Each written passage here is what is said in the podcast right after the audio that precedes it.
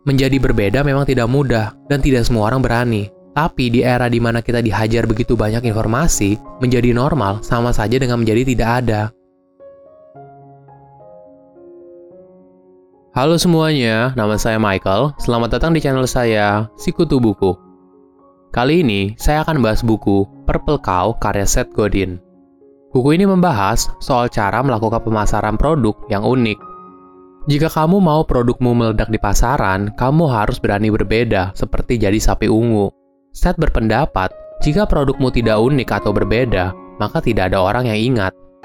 Sama halnya seperti sapi yang berwarna belang hitam dan putih di peternakan. Jika kamu berwarna sama, maka tidak ada yang ingat. Tapi kalau kamu berwarna ungu, pasti kamu stand out dan mendapatkan perhatian dari semua orang. Dalam membangun sebuah produk, ingatlah produk bukan hanya sebuah barang atau jasa, tapi lebih dari itu, produk adalah sebuah ide yang bisa ditularkan ke orang lain, layaknya sebuah virus. Jika kamu berhasil, itulah saatnya untuk menciptakan sapi ungu yang baru. Saya merangkumnya menjadi tiga hal penting dari buku ini. Yang pertama, pemasaran dari mulut ke mulut. Zaman dulu, pemasaran itu berarti bikin produk, setelah itu pasang iklan. Orang akan beli produk kita kalau kita pasang iklan di mana-mana, sehingga orang tahu produk apa yang kita jual. Tapi zaman sekarang semua sudah berubah. Menurut Seth, zaman sekarang orang akan beli apabila berasal dari pemasaran mulut ke mulut. Hal ini juga berkaitan dengan banyaknya iklan yang kita lihat sekarang. Hidup kita seperti dipenuhi oleh iklan, dan semuanya berusaha untuk mengambil perhatian kita. Tapi, apakah mereka berhasil?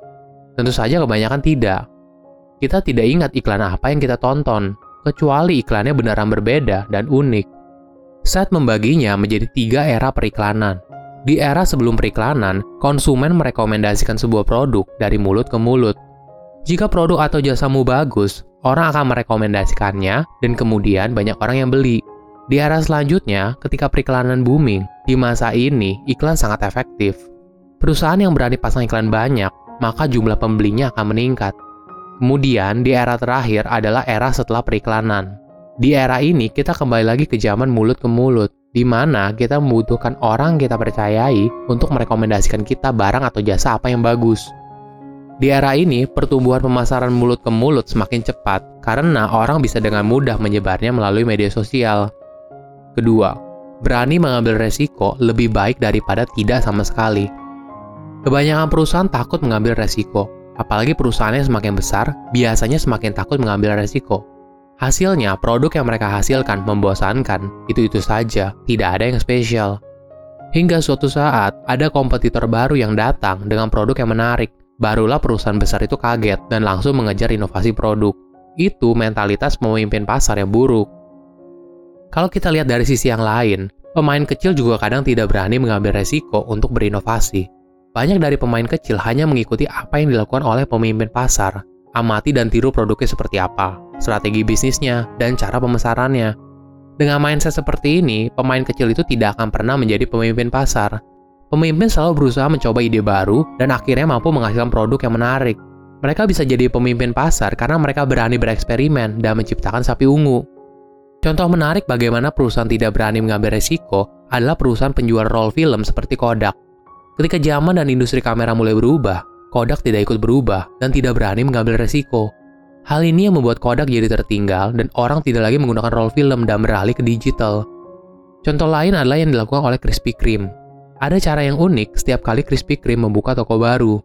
Krispy Kreme selalu membagikan ribuan donat gratis.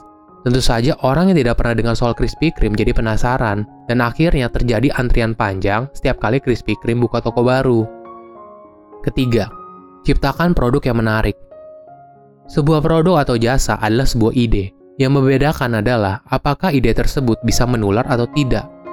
Karena menggunakan analogi sebuah virus, saya menyebut orang yang pertama kali menyebarkan ide disebut sebagai sneezers.